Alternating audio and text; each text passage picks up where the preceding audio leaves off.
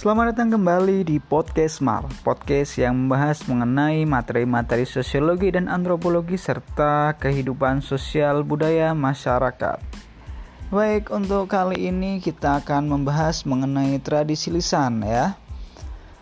Eh, teman-teman uh, sekalian, pada beberapa penjelasan yang sudah kita bahas sebelumnya, kita sudah pernah bahas mengenai kearifan lokal. Nah, ini adalah kelanjutan dari materi kearifan lokal, tradisi lisan, dan strategi kultural.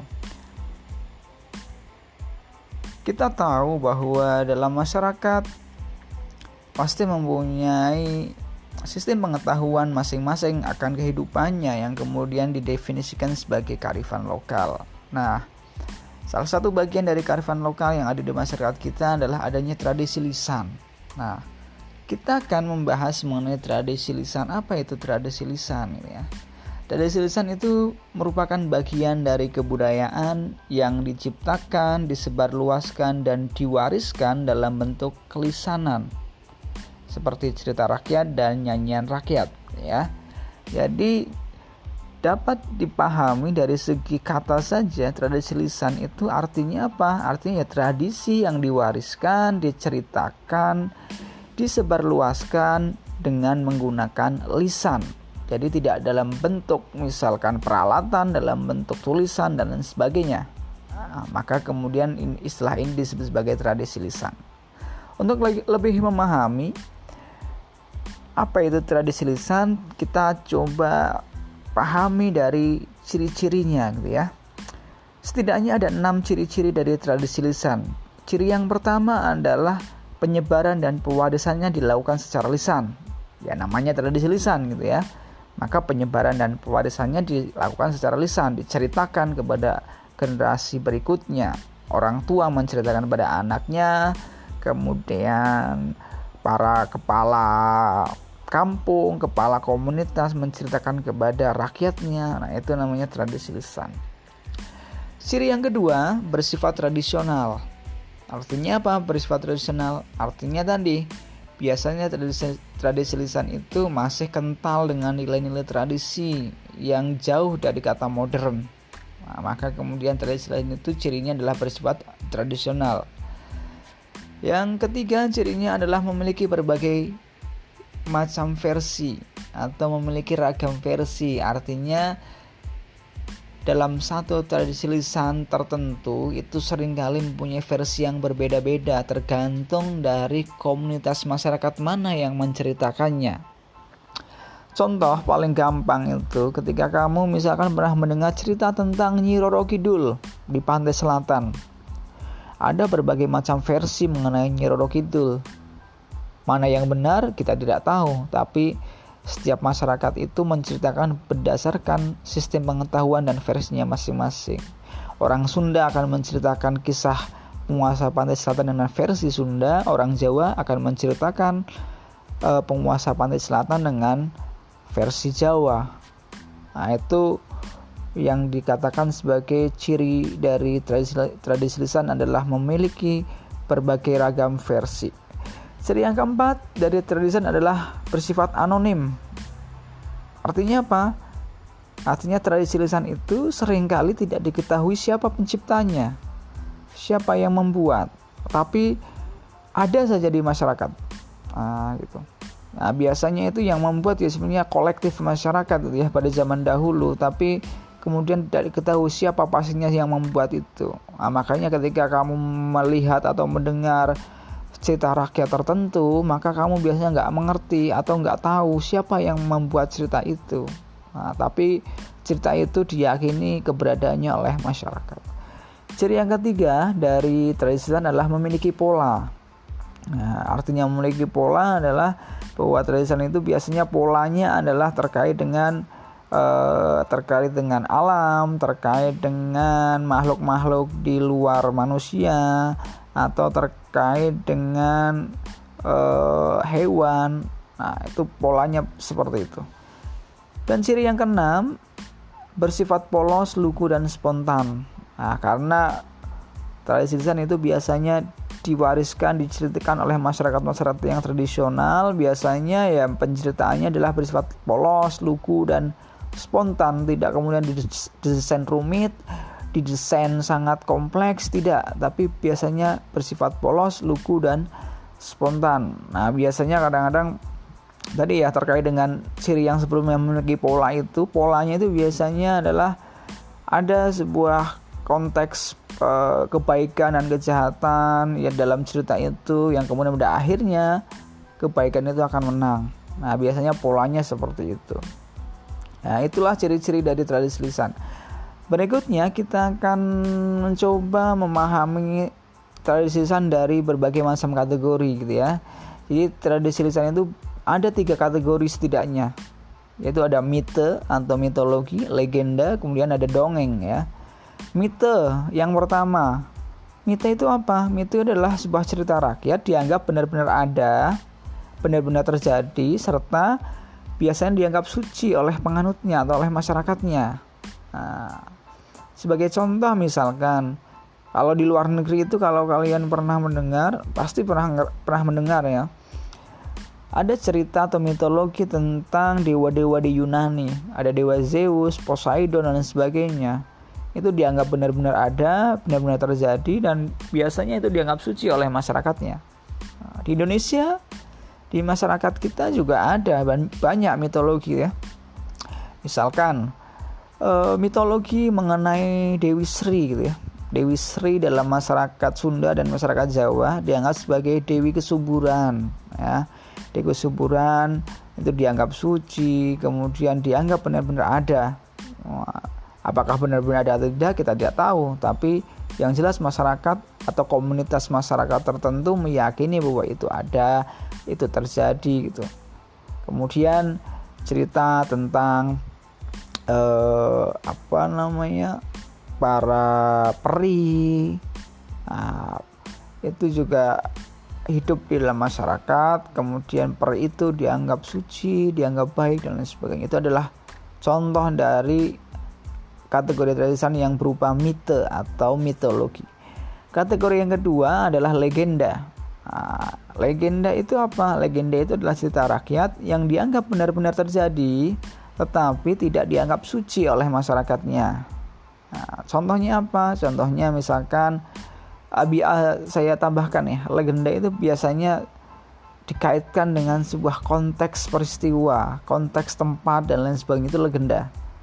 Contoh di Jawa Barat ada legenda mengenai Sang Kuryang. Nah, itu berkaitan dengan proses munculnya Gunung Tangkuban Perahu misalkan. Nah, itu dianggap dianggap benar-benar terjadi gitu ya oleh masyarakatnya yang meyakini itu tapi kemudian tidak dianggap suci itu legenda. Kemudian contoh yang lain lagi misalkan uh, legenda mengenai uh, pendirian Sandi Prambanan yang kemudian dilakukan satu malam. Nah, itu juga bagian dari tradisi lisan yang kategori legenda Kategori yang ketiga dari tradisi lisan adalah dongeng. Nah, ini kalian pasti yang mendengarkan ini pasti sangat familiar dengan dongeng ya. Dongeng itu adalah cerita yang kemudian dianggap benar-benar terjadi padahal belum tentu terjadi. Nah, dongeng ini juga macam-macam ya, ada kategorinya. Nanti ver, uh, dongeng yang berkaitan dengan hewan nanti namanya fabel dan lain sebagainya. Contoh dari dongeng yang misalkan ada cerita tentang keong mas, bawang merah, bawang putih yang yang sangat familiar dan lain sebagainya. Itulah tradisi lisan yang uh, akan kita apa namanya pahami gitu ya. Nah, setiap masyarakat tadi punya tradisi lisan masing-masing gitu ya. Kemudian apakah tradisi itu benar ada atau tidak? Kita tidak tahu, tapi yang jelas Eh, tradisi itu ada hidup di masyarakat dan diyakini keberadaannya oleh masyarakat.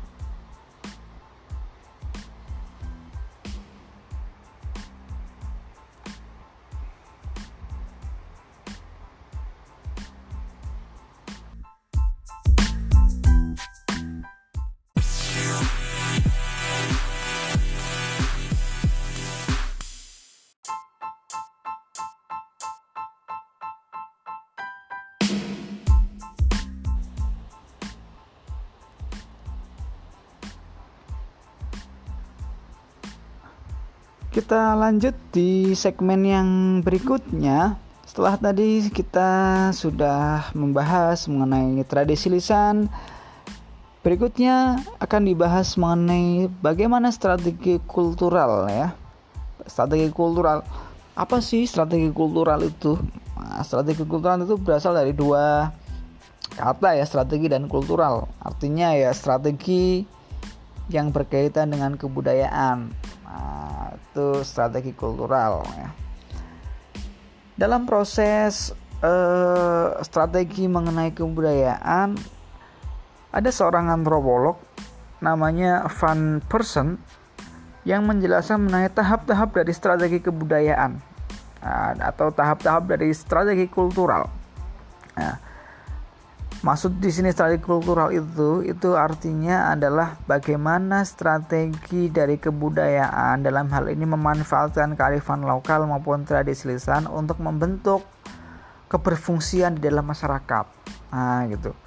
Tahapannya bagaimana sih strategi kultural itu? Tahapannya tahapannya dibagi menjadi tiga, yaitu tahap mistis, tahap ontologi, dan tahap fungsional. Yang pertama tahap mistis, tahap mistis dalam proses strategi kultural dalam tahap mistis, dalam tahap mistis ini sikap manusia itu biasanya akan merasa dikepung oleh kekuatan-kekuatan gaib di sekitarnya.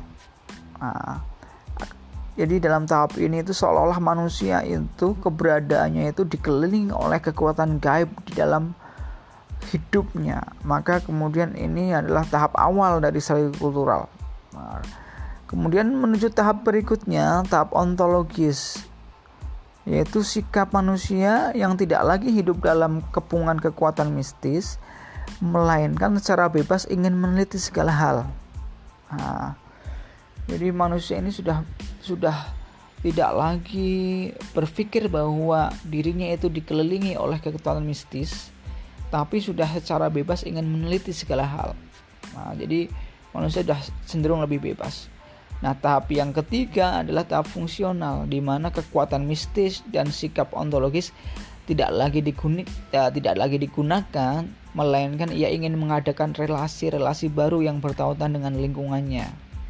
Nah, jadi misalkan, misalkan gini ya, uh, uh, misalkan sebagai contoh uh, ada pikiran mengenai kekuatan gaib. Misalkan ada sosok makhluk gaib tertentu gitu ya. Itu tidak lagi dimaknai sebagai makhluk gaib seperti yang dalam tahap mistis digambarkan yang punya kekuatan dan sebagainya. Tapi dalam tahap fungsional kekuatan mistis itu tidak dimaknai secara gaib tapi dimaknai fungsinya yaitu fungsinya terkait dengan hubungan dengan lingkungan. Nah, misalkan gini saya, saya contohkan itu ya. Kepercayaan terhadap hal-hal gaib itu kemudian tidak lagi dimaknai sebagai hal-hal yang klinik tapi itu dimaknai sebagai sebuah strategi yang dapat berfungsi untuk memelihara lingkungan dari kerusakan manusia. Misal, ada hutan, kemudian ciptakanlah mitos di sana bahwa di hutan itu ada makhluk gaib, makhluk astral dan lain sebagainya yang fungsinya bukan dimaknai sebagai di situ benar-benar ada, tapi dimaknai sebagai upaya untuk melindungi hutan agar tidak dirusak oleh manusia. Nah, itulah tahap fungsional dari strategi kultural. Nah, oke. Okay. Saya pikir itu ya tahap-tahapannya dari uh, strategi fungsional. Kemudian yang berikutnya kita mencoba apa namanya ya, mencoba mengklasifikasikan jenis-jenis dari strategi kultural itu apa saja. Ya. Jenis-jenis strategi kultural dibagi menjadi beberapa bidang ya. Setidaknya di sini saya saya catat ada empat bidang, yaitu bidang sosial, bidang keagamaan, bidang ekonomi, bidang kesenian. Nah, contoh dari bidang sosial itu misalkan ada tradisi nyumbang ya.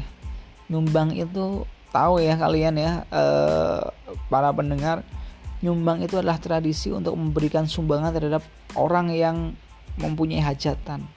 Ini kan bagian dari kebudayaan. Nah, tradisi ini dimanfaatkan dalam bidang sosial. Yaitu untuk apa? Untuk meningkatkan ikatan sosial, solidaritas dengan sesama. Nah, itu contohnya. Yang kedua di bidang keagamaan misalkan tradisi nyadran.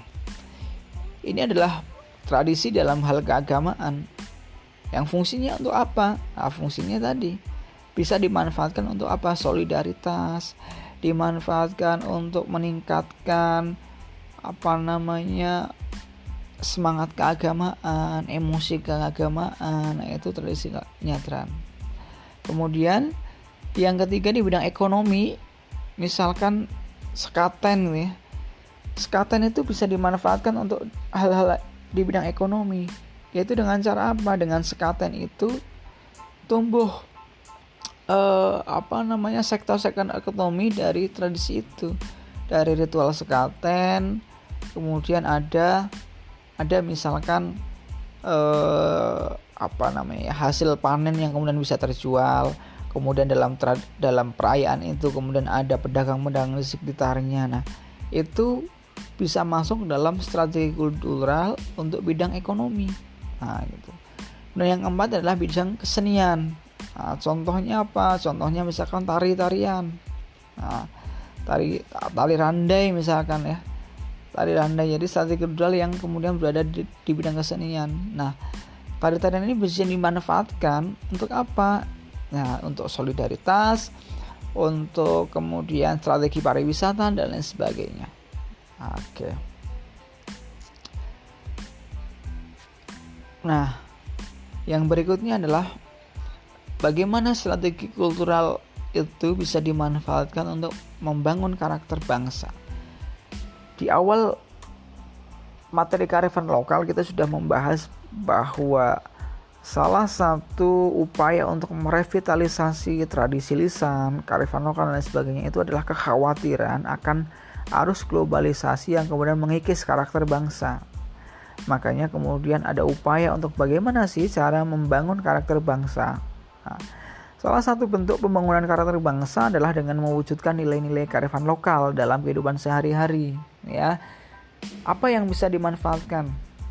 Nah, kita coba analisis wujud nilai kearifan lokal yang ada dalam kehidupan sehari-hari apa saja yang dapat kita manfaatkan. Nah, contoh yang bisa kita manfaatkan untuk membangun karakter bangsa itu apa saja? Satu, misalkan belajar untuk hidup hemat dan sederhana. Kita ketahui bahwa dalam masyarakat kita, tradisi kita bahwa kita diajarkan untuk hidup hemat, sederhana, tidak berlebihan dan sebagainya. Itu bisa dimanfaatkan untuk membangun karakter bangsa. Kemudian menghargai alam, ya, menghargai sesama manusia, kemudian bersikap uh, toleransi, bekerja keras serta bergotong royong dalam kehidupan uh, masyarakat. Nah, itu adalah nilai-nilai tradisi lisan yang dapat dimanfaatkan untuk menumbuhkan karakter bangsa.